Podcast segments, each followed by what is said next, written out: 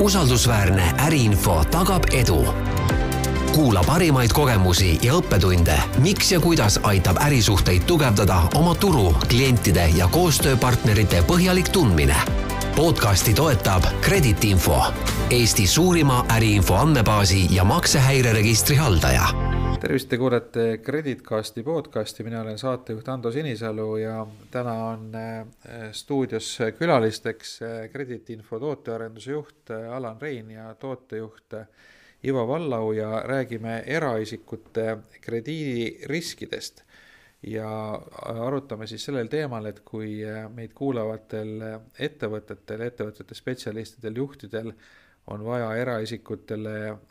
anda laenu, krediiti siis eh, milliste riskidega nad kokku puutuvad ja kuidas neid riske oleks võimalik vähendada. aga kõigepealt eh, üldine taust, et eh, praegu on meil paljude analüütikute arvates majanduskriis, majanduslanguse algus ja paljud eraisikud võivad olla juba selle tagajärgi tunda saanud energiahinnad on tõusnud, mõned ettevõtted on ka töötajaid koondanud, sellised esimesed ohumärgid on, kas äh, teie äh, andmed, mis te, mis te jälgite näiteks maksejärjeregistrist või mujalt, äh, näitavad ka mingisuguseid ohumärke, et, et eraisikute maksevõime kuidagi oleks halvenenud? jah, meie näeme seda, et eraisikute maksejärjete arv suureneb seda juba hilissuvest saati. Äh, ja noh, sellel on ilmselgelt mõju inimeste krediidiskoorile. Äh, see tähendab ka nende krediidivõimele. ehk et jaa, andmed kinnitavad seda, et midagi toimub. kas siin on võimalik paralleele tõmmata eelmise masuga, et, et noh, eks iga kriis ole natukene isemoodi, aga aga kas, kas sellest eelmisest kriisist midagi on võimalik äh, praegusesse kriisi üle ka kanda? Äh, kui sa pead silmas äh, Covidi aastat? ei, ei tegelikult ma pean silmas Kahju. seda kaks tuhat kaheksa, üheksa, seda aega. jah, kaks tuhat kaheksa, üheksa kriisi olemus oli natukene teistsugune, seal ei olnud see niivõrd hinnašoki teema, kuivõrd hakkas pihta väärtpaberiturust, läks otsapidi kinnisvaraturule lihtsalt selle kriisi sissetulek on natukene erinev, kahe, kaks tuhat kaheksa oli see väga järsk äh, ja suhteliselt massiivne. meil praegu sellist pilti ei ole. kõik hirmsasti kardavad, et midagi juhtub väärtpaberi kinnisvaraturul, aga praegune seis on jah, palju leebem ja võrreldes äh, kahe tuhande kaheksanda aastaga inimeste keskmised sissetulekud ja sissetulekute jaotus on äh, palju ilusamas seisus, äh, nii et äh, kindlasti mingiks paanikaks põhjust ei ole. aga millised kliendigrupid või, või elanikkonnagrupid hetkel kõige suuremates probleemides on, et et kas siin on võimalik mingeid üldistusi ka teha, et, et kui, kui keegi ettevõtjatest nüüd kaalub krediidi andmist, et siis ta nagu vaatab, et just mingi näiteks mingid tooted, mis on suunatud ühele või teisele kliendirühmale, et need on nagu suurema riskiastmega, et kas siin on mingeid üldistusi võimalik teha? no see on üldreegel, et väiksema sissetulekuga ja lihtsamat tööd tegevad inimesed on äh, rohkem löögi all äh,, kuna nemad tihti satuvad esimesena nii-öelda koondamise ohvrid, ohvriks äh,. seda kuidagi niimoodi väga üheselt äh, niipidi siduda ei ole mõtet ega võimalik. Äh, ilmselgelt on äh, Ukraina sõjast tingitu, on mõjutanud ettevõtteid, kellel olid, oli koostöö Vene ja Venemaa, Ukrainaga, Valgevene, Valgevenega ja samas mõjutatud on sellised valdkonnad, mis siis erinevate Vene tarneallikate ärakukkumisega kannatavad hinnašoki all. noh, näiteks ehitussektor, metallitööstus, metsa- ja puidutööstus. Nendes sektorites on probleeme, aga ei näe küll otsest vajadust nagu hakata diskrimineerima inimesi selle põhjal, et mis tüüpi ettevõttes nad töötavad, sest et nendes samades valdkondades on samas väga edukaid ettevõtteid. Kui nüüd äh, eraisiku poolelt vaadata, et äh, kui keegi äh, soovib, et tal oleks väga hea krediidiskoor või krediidireiting, et mis on need asjad, mida ta ei tohiks teha, et sattuda siis krediidiandjate silmis kas nüüd päris musta nimekirja, aga sellisesse kahtlasesse nimekirja, et tema see krediidi hinnang halveneks, et, et mis sellised kõige suuremad vead on, mida vältida tuleks, kui, kui tahta enda, enda nii-öelda pabereid puhtana hoida? no kõige lihtsam üks ja ainukene asi on see, et äh, ei tasu endale tekitada maksehäireid. ehk et äh, kõik arved, mis on mingite kokkuleppe, kokkulepete alusel saadud, need tuleb ilusti ära maksta äh, ja mitte sattuda maksehäireregistrisse. see on absoluutselt esimene kõige olulisem kriteerium ja ega krediidiskoor ja maksehäireregister ongi inimeste maksekäitumise hindamiseks, ehk et see on põhiasi on ka väga palju muid asju, aga need on niivõrd palju vähem olulised võrreldes sellega, et äh, võib-olla praegu nendel ei peatuks no samas, kui see maksehäireregister on põhiline asi, siis ju tegelikult polekski ühtegi muud äh, analüütikat vaja, et vaataks maksehäireregistrist järgi ja, ja sellega asi piiruks, ometi nii teie kui sarnased ettevõtted on arendanud välja väga põhjalikke analüütilisi meetodeid, kuidas inimeste maksevõimekust hinnata, et seal seal peab muud ka olema, et äkki, äkki sa avad natuke neid äh, tagamaid, et mis äh, asjaolusid kõiki arvestatakse, kui äh, ühe, ühe inimese maksevõimet hindama asutakse? jah, tõsi ta on, makseregistriga on nüüd see asi, et see on nagu lihtsalt pelgalt fakt, et inimene mingil põhjusel õigel ajal oma arvet ära ei maksnud. aga see ei pruugi tähendada kogu tõde ehk et ka nende hulgas, kes, kellel on mõned maksehäired olnud, nende hulgas võib olla täiesti äh, toredaid ja tublisid inimesi.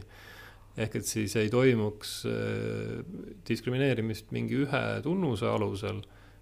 selleks võetaksegi palju muid faktoreid aluseks. kõige sellised lihtsamad või värvikamad aspektid võib-olla on see, et krediidi käitumine on väga tugevasti seotud vanusega Äh, noh, võib-olla isegi teame, et äh, nooruses olime natukene uljemad, äh, keskeas muutume rahulikumaks, stabiilsemaks ja vanas eas ei taha mitte mingit jama kaela saada, ehk siis siin on väga selge seos olemas. Teine põnev seos on, mis küll vastandub natukene sellise võrdõiguslikkuse põhitõdedega, on see, et see on väga ulatuslike ja erinevate kultuuride uurimise põhjal kindlaks tehtud, et naisterahvaste krediidikäitumine on korrektsem kui meesterahvaste oma. see ei tähenda seda, et naisterahvas tähendab automaatselt kõrgemat krediidiväärsust ja mehe oma automaatselt väiksemat. See tähendab seda, et on statistiline tõenäosus, et kui tegemist on naisterahvaga, siis makstakse asju korrektsemalt, äh, vastupidi meestega, kes on natukene uljemad ja riskialtimad. Kas te analüüsite ka tarbimist, et, et on seal tarbimises mingid asjad äh, ma ei tea, kas ööklubides käimine, kasiinos käimine või ülemäärane puhkusereisidel käimine või midagi muud, mis, mis on nagu punane lipp, et, et sellise käitumisega inimene on nagu liiga pillav või, või, või näiteks säästude hulk või midagi muud sarnast, et, et see, see kulutamise pool, et, et mida seal tasuks ühest küljest inimestel siis, kes tahavad head krediidireitingut hoida, et mida nad peaks silmas pidama ja ilmselt kui teie analüütika üht või teist äh, asja välja toob, et ilmselt seal on nagu, nagu põhjus ka, et, et võib-olla siis inimesed peaks oma käitumist korrigeerima, kui nad tahaksid olla rahalises mõttes äh, targemad. sellega on nüüd sama asi, et äh, keerulised asjad on tihti hästi lihtsad. mis puudutab kontoandmeid ja üldse inimese tulu ja kulukäitumist, siis üks asi on täiesti ilmselge Äh, kui inimene kulutab rohkem, kui tal on tulusid perioodiliselt, noh, eeldame, et tal on konto peal mingi saldo olemas, äh, siis see on ilmselge märk sellest, et on tegemist mingi probleemiga. kahtlemata positiivses valguses on need inimesed, kellel on lihtsalt suur kontosaldo ja siis seal natukene tuleb juurde, natukene läheb välja, äh, see tekitab sellist stabiilsust aga krediidianalüüs vaatab ikkagi eelkõige inimese jooksvat maksevõimet, et see, kui sul on miljon kontol ja sa oled kohutavalt pillavalt käitud, see ei tähenda, et sa krediidiväärne oled. ehk siis sellised aspektid tulevad arvesse, see jääktulu nii-ütelda, ehk siis jooksvate tulude ja jooksvate kulude vahe, kuludes ja kulude ja laenumaksete, olemasolevate laenumaksete vahe, jääktulu on see, mis huvitab. Ja jääktulu võrreldes siis äh, selle potentsiaalse laenutoote kuumaksega. teine asi, jah, kulukäitumises on teatavaid indikaatoreid, konto andmed liigitatakse või kategoriseeritakse parimal teadaoleval viisil ära ja kui seal on selliseid, see kulukategooriate proportsioon on natukene omapärane, siis see võib mõningaid punaseid lippe üles tõsta. Seda nüüd, et keegi käib ööklubides ühe korra asemel kaks korda aastas, sellepärast nüüd kellegi krediidireitingu kallale ei minda aga kui äh, näiteks äh, kontolt vaatab vastu kolm korda nädalas kasiino külastamine, siis see kahtlemata tekitab küsimusi. no meedia, meedias on olnud juttu ka sellest, et äh, on teatud liiki selline diskrimineerimine näiteks üksikvanemate suhtes, eriti üksi elavate ja lapsi kasvatavate naisterahvaste suhtes, isegi juhul, kui neil on kõrge sissetulek, siis näiteks pankade puhul on on tulnud äraütlemisi pelgalt sellel põhjusel, et, et seda peetakse riskantseks, et on ainult üks tuluteenija perekonnas, kes elab äh, veel üksi, mis tähendab seda, et tal on proportsionaalselt võib-olla kõrgemad eluasemekulud kui mitme peale jaotades ja, ja seda nagu ühest küljest pangad siis äh, nagu karistavad, kas kõrgema intressimääraga või, või üldse äh, laenuotsusest keeldumisega, aga samal ajal see tundub nagu, nagu ebaõiglane olevat, et, et, et kuidas sellega lugu on Äh, see on jah, natukene vastuoluline teema, mis läheb jälle nii-öelda otsapidi äh, diskrimineerimisloogikatesse. Äh, aga mida võib öelda mm, krediidikäitumise uuringute koha pealt, on see, et kõige madalama riskiga on sellised, sellised inimesed, kes on kooselus, kellel on vähemalt üks laps Äh, need puhtstatistiliselt sellised äh, kooslused on lihtsalt kõige stabiilsemad. Äh, kui me hakkame vaatama üksikvanemaid, noh siis see, et sul on laps, see tähendab seda, et sul on mingi täiendav kulu, mis ei tähenda kindlasti midagi riskantset, pigem inimene, kellel on laps, on oma käitumises konservatiivsem kui inimene, kes, kellel ei ole last. et kui nüüd järjest vaadata, siis äh, kooselus lastega paaride järel on ilma lasteta paarid, järgmised sealt edasi on või ütleme, et isegi võib-olla parema krediidikäitumisega, erinevad uuringud ütlevad erinevaid asju, on üksikvanem, tavaliselt naine üksikvanema, keda meil on hästi palju lihtsalt äh, ajaloolistel põhjustel äh, ja üksiku mehega elavad lapsed, kõige riskantsem grupp paraku, on üksi elavad mehed. Eh, ehk et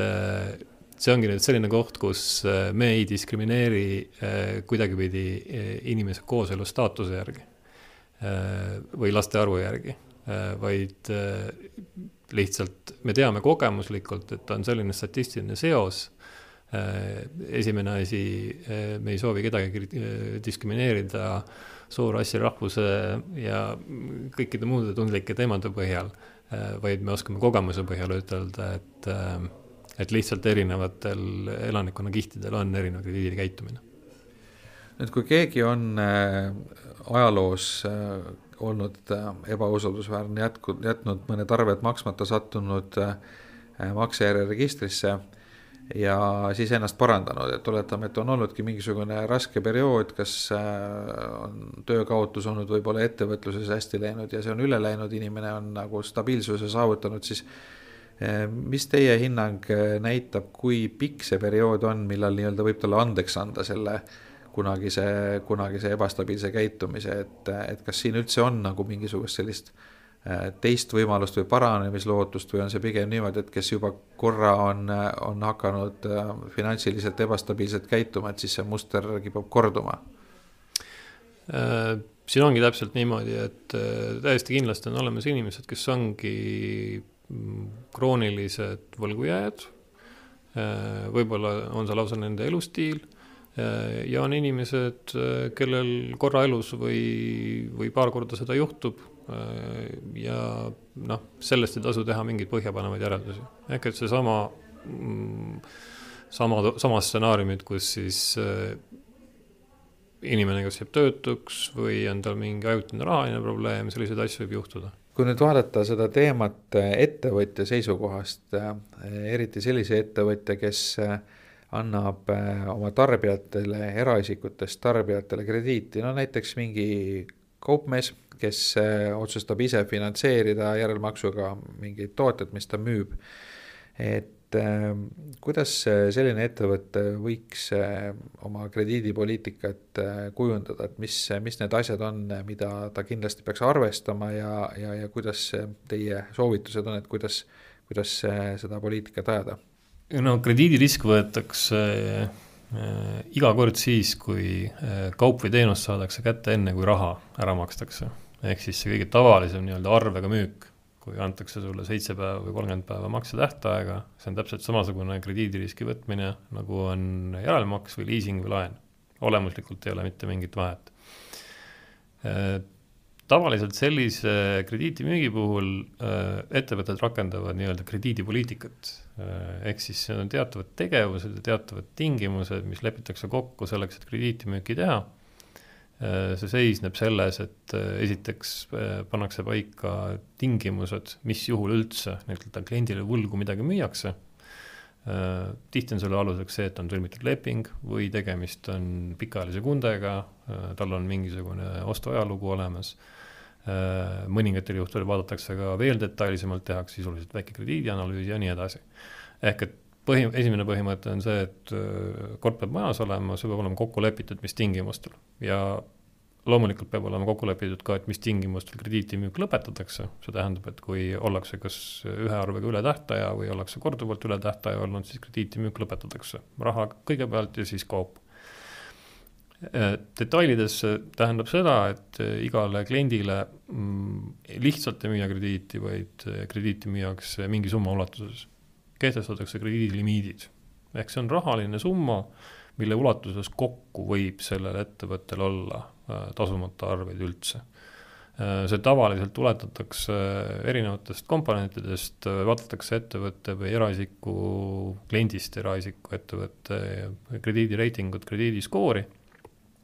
ja siis võetakse aluseks äh, kas mingi ettevõtte omakapitali numbrid või võetakse aluseks äh, ostuajalugu või mingid muud kriteeriumid, erinevatel juhtudel võib see olla erinev. ja selle alusel pannakse paika krediidilimiit, äh, klient tuleb kohale, vaadatakse, kes ta on, äh, vaadatakse, kas poliitika järgi tal on võimalik krediiti müüa, kas tal ületähtavus see on, mis ta hetkevõlgnevus on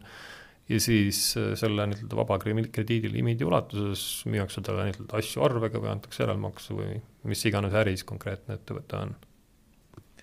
aga kuidas see, äh, see keskmised kujunevad siin, et, et kui, kui palju äh, selline lootusetute võlgnevuste osakaal ettevõtte käibest võiks olla, mis, mis on selline nii-öelda loomulik kadu, et, et kas siin on mingisugused äh, sellised äh, head äh, mingid äh, markerid ka olemas?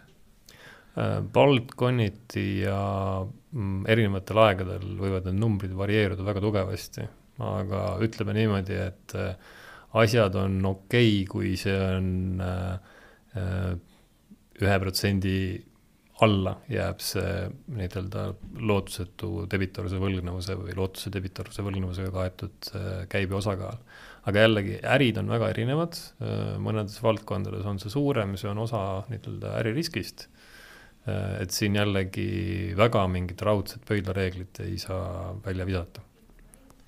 aga no iseenesest noh, enamik inimesi nagu, nagu jäljetult kaduda kuhugile ei saa, et, et kui tegemist ei ole just nagu väga suurte summadega, noh, kui me räägime siin sellistest äh, arvega müügist või sellisest tarbimise suurusjärgust, jätame kinnisvara kõrvale, et siis mingisuguse teleka või, või telefoni või, või ka mingi ehitusmaterjali võib-olla mõned sajad eurod, et põhimõtteliselt eh, peaks olema võimalik see iga inimese käest ikkagi ühel hetkel kätte saada, et, et, et kui palju selle nimel üldse nagu on mõtet vaeva näha ja mis piirist alates on, on mõistlikum sellega mitte tegeleda, et, et ma tean seda, et teatud globaalsed hiiud nagu a la Amazon, et nad on kehtestanud ka mingi piiri, et alla, mille nad ei, üldse ei hakkagi vaidlema, et kas sa said kauba kätte või ei saanud, nad juba on sisse oma äririski arvestanud, see, et nad kannavadki mingi, mingi summa maha. et, et kuidas sellega on, et, et kas siin on mingisuguseid soovitusi, et kust, kust maalt alates on üldse äh, mõistlik äh, tegeleda selle võla jahtimisega ja kust maalt äh, võiks see maha kirjutada ja lihtsalt lugeda selleks nii-öelda äri tegemise riskiks või äri tegemise kuluks? asjakohane küsimus. Ähm, esiteks äh, jällegi sõltuvalt ettevõtte tegevusvaldkonnast määrab väga palju kindlaks konkurentsiolukord ja tavad mõnes äris väiksesummaline krediitimüük on tavaline seda praktiseeritakse ja lepitaksegi teatava riskiga, äh, mõnes valdkonnas väikse summa puhul eeldatakse, et makstakse alati ette või kaardiga koha peal, sellepärast et äh, väikeste võlgade sissenõudmine on väga kulukas. Äh, noh, kui me mõtleme, et sõltumata võla suurusest, oletame, et kulub kümme inimtundi erinevate inimeste tegevust selleks, et võlg sisse nõuda, korrutame tunnitasuga, saame teada, et mõnisada eurot vähemalt kulub selle peale mis tähendab seda, et äh, sellest mõnesajast äh, eurost äh, oluliselt väiksemate summadega tegelemine ei ole mõistlik. ehk et jällegi, sõltuvalt konkreetsest ärist, kas on mõistlik või ei ole mõistlik tegeleda no ilmselt seda on ka kelmid ära tabanud, et tihti kelmid tegutsevadki selles valdkonnas, kus nad, kus nad saavad võib-olla mingisuguse väikese asja äh, Äh, nii-öelda ilma raha maksmata kätte ja, ja siis lihtsalt ei maksa seda, kuna nad teavad, et neil ei ole mõistlik hakata selle summa väljanõudmisega tegeleda, et samas suurte summade puhul ilmselt sellel äh, nii-öelda kreeditoril on motivatsiooni minna päris kaugele, et seda raha kätte saada. Äh, täpselt nii, et see on, äh, see ei ole nüüd otseselt krediidiriskiga seotud, aga finantskuritegevus on, finantskuritegevuses on hästi tuntud selline teema nagu raha skimmimine, ehk siis väikeste üksiksummade kaupa paljudelt kontodelt äh, kokku kogumine või siis üksikutelt krediitkaarditehingutelt kokku kogumine. et see on tuntud teema, see on vähemini märgatav Äh, aga äh, see on nüüd krediidivaldkonnas päris kaugel. aga tuleme tagasi krediidivaldkonna juurde, et kui nüüd ettevõtted, kes siis ähm, eraisikutele kaupa krediiti müüvad, ähm, tahaksid oma riske maandada, et mis laadi äh, infot, mis laadi tooteid krediitinfo neile pakub? No esimese tootena, nagu juba ka räägitud, on, on ikkagi eraisiku äh, skoor, kui nad tahavad seda riski maandada vastu oma eraisiku er,, er, eraisikust klienti. lisaks äh, loomulikult on meil olemas äh, võimalik äh, äh, nii-öelda vaadata erinevaid raporteid eraisiku siis krediidi äh, ajaloo ja, ja kogu selle hinnangu kohta äh,. muidugi see, see, see natuke sõltub ka sellest, et eh, millest see risk tuleneb, eh, mis, milles, mis äris nagu ettevõte on, eh, aga, aga, aga ma arvan, et esimese asjana tasuks kindlasti seda krediidiriski skoori kasutama hakata räägi, rääkige sellest skoorist veidi lähemalt, et mis, mis see skaala on, et kas on mingi nullist kümneni või, või mingi muu ja, ja, ja kust, kust maalt need numbrid siis on, lähevad nii-öelda punasesse, et sealt alates enam sellele inimesele krediiti anda ei tohiks? Äh, krediidiriski skoor teiste sõnadega on siis äh, maksehäire tekkimise tõenäosus järgmise kaheteist kuu jooksul äh,, siis selle skoori tegemise hetkel äh, meie oleme oma skooris, äh, mis mis on nagu tegelikult suhteliselt äh, tavaline ka, ka mujal, et, et kui ikkagi see maksejärje tekkimise tõenäosus on suurem kui viisteist protsenti,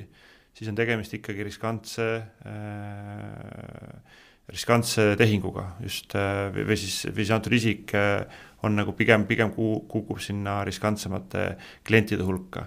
Äh, ja sealt viieteist protsendist siis, siis üles tulla, et alla kahe protsendi on kindlasti pigem nagu väiksema riskiga klient. Äh, ja, ja selles vahemikus me siis, me siis neid äh, väärtusi nagu anname, et äh, loomulikult see kõik sõltub jälle sellest, et mis on, mis on taaskord selle ettevõtte enda riskiisu, et mõni on valmis tegema ka äh, tehinguid äh, eraisikutega, kui, kui maksehäire tekkimise tõenäosus on kakskümmend protsenti, eks ole. aga meie soovitus pigem, pigem on jääda sinna viisteist ja, ja väiksem no selline termin nagu BSD kaks on finantsmaailmas viimasel ajal üks selline väga kuum sõna, aga võib-olla paljudele kuulajatele on, on see jäänud segaseks, et mida see täpselt tähendab, et avaks natukene seda terminit ka ja, ja räägiks sellest, mida see siis eh, krediidiskoori puhul tähendab, et, et kõigepealt, mis see BSD kaks on? BSD kaks on eh, põhimõtteliselt reguleerib ta ära maksetehingute algatamise ühtse standardi, eh, tehnilise standardi ja pangakonto väljavõtte saamise standardi varem oli siis kas paberformaat või mingi muu elektrooniline formaat või erinevatel pankadel olid väga erinevad omaenda formaadid. BSD2 on selle ära standardiseerinud, äh, laias laastus piisab sellest, et teha nii-öelda üks lahendus selle kohta, kuidasmoodi BSD2 formaadis kontoinfot kätte saada ja see peaks töötama suure hulga erinevate pankadega. ehk siis ühtepidi on kohustus kõikidel pankadel sellist interface'i pakkuda, teine asi on see, et kõik, kes tahavad seda informatsiooni tarbida Äh, nendel on väikese investeeringuga võimalik see informatsioon kätte saada. ja praktikas äh, tähendab see seda, et olgugi, et krediidiinfo on lahenduse pakkuja, äh, siis nõusoleku suhe valitseb ikkagi selle eraisikust kliendi konto omaniku ja krediidiandja vahel. ehk et igakordselt, et kontoandmed jagada kellelegi Eh, eraisik peab andma nõusoleku selle kohta, et konkreetsest pangast tema kontoinformatsiooni kellegi teise osapoolega jagatakse. et kui ma nüüd lähen ehituspoodi, tahan sealt terrassilaudu osta äh, nii-öelda krediidiga, siis äh, kui see ehitusmaterjali müüja küsib mu käest nõusolekut, et kas ta tohib äh, minu konto andmetele juurde pääseda, kui ma ütlen talle jah, siis see ehitusmaterjali müüja saab krediitinfost minu kohta skoori, kus on arvestatud nii minu äh, maksehäirete ajalugu kui siis minu konto väljavõtted, saan ma õigesti aru? Ähm, mina küll ei annaks sellist nõusolekut e-, ehitusmaterjali müüjale, et äh, äh, tehnoloogiliselt see asi on natukene peenem, et see nõusolek antakse ikkagi läbi kasutajaliidese, läbi brauseri, mis on turvaliselt kaitstud. see nõusolek antakse läbi infosüsteemi keegi neid tooreid paljaid kontoandmeid äh, ei näe, ehk et see, et ma olen tädi Maalile viiskümmend eurot maksnud, äh, seda keegi sorima ei hakka. selle kontoinfo töötlus on automaatne, toimub taustal ja ütleme nii, et ehitusmaterjalide müüjatele, müüjatele ma soovitaksin lihtsamaid meetodeid, kuidas oma krediidiriski hallata, kui igakordselt iga müügi puhul ka kliendi nõusolekut küsida, et kontoinfot vaadata mis puhul äh, ma saan aru, et, et, et see teenus, mida te pakute, ikkagi viib omavahel kokku selle konto info ja äh, siis maksehäirete ajaloo, et äh, kellel, mis suurusega tehingutest alates on seda mõtet kasutada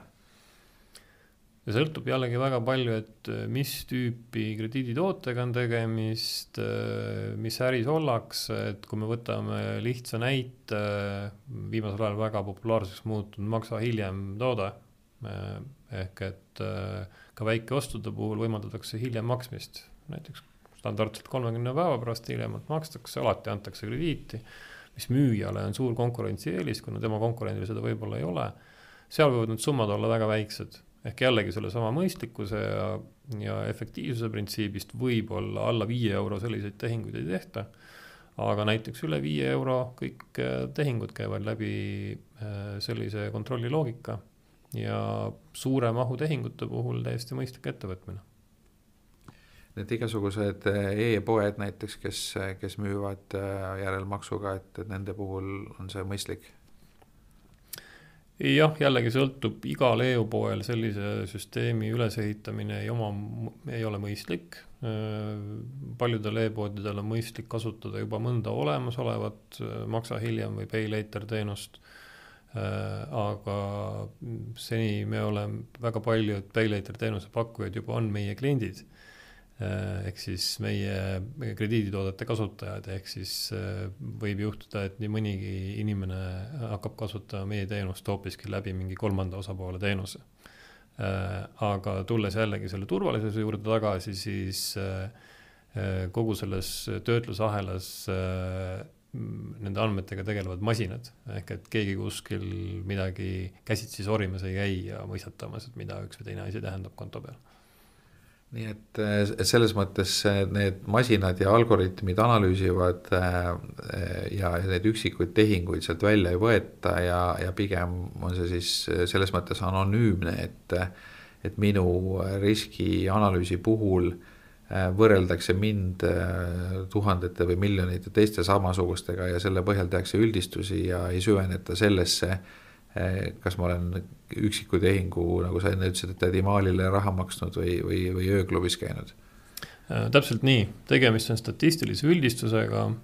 äh, ei huvita niivõrd ühe konkreetse tehingu sisu, kuivõrd üldine statistiline pilt, aga nagu ka enne juttu oli, siis on, on mõningad indikaatorid, noh näiteks võib välja tuua ka väga, väga rohke sularaha kasutus suured, suur hulk sularaha sissemakseid, sularaha väljamakseid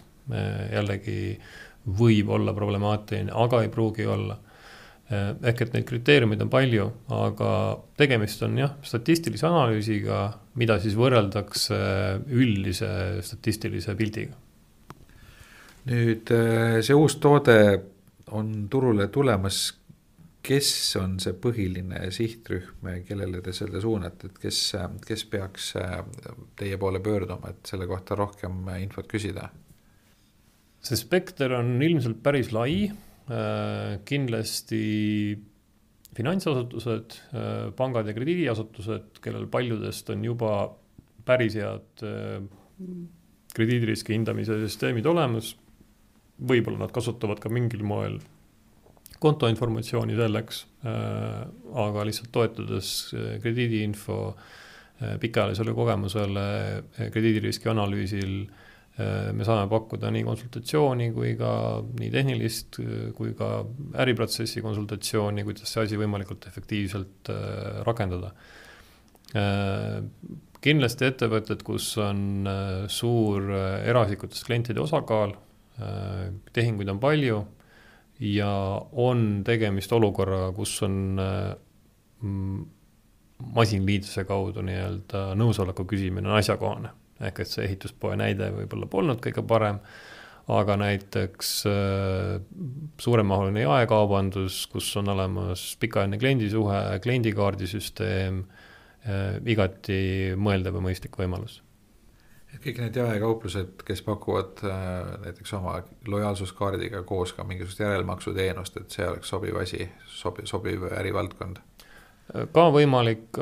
kui nüüd mõelda mm, sellele, et äh, see eeldab ka teatavat tehnilist valmisolekut kliendi poolt ja, ja teatavat äh, IT-investeeringut, siis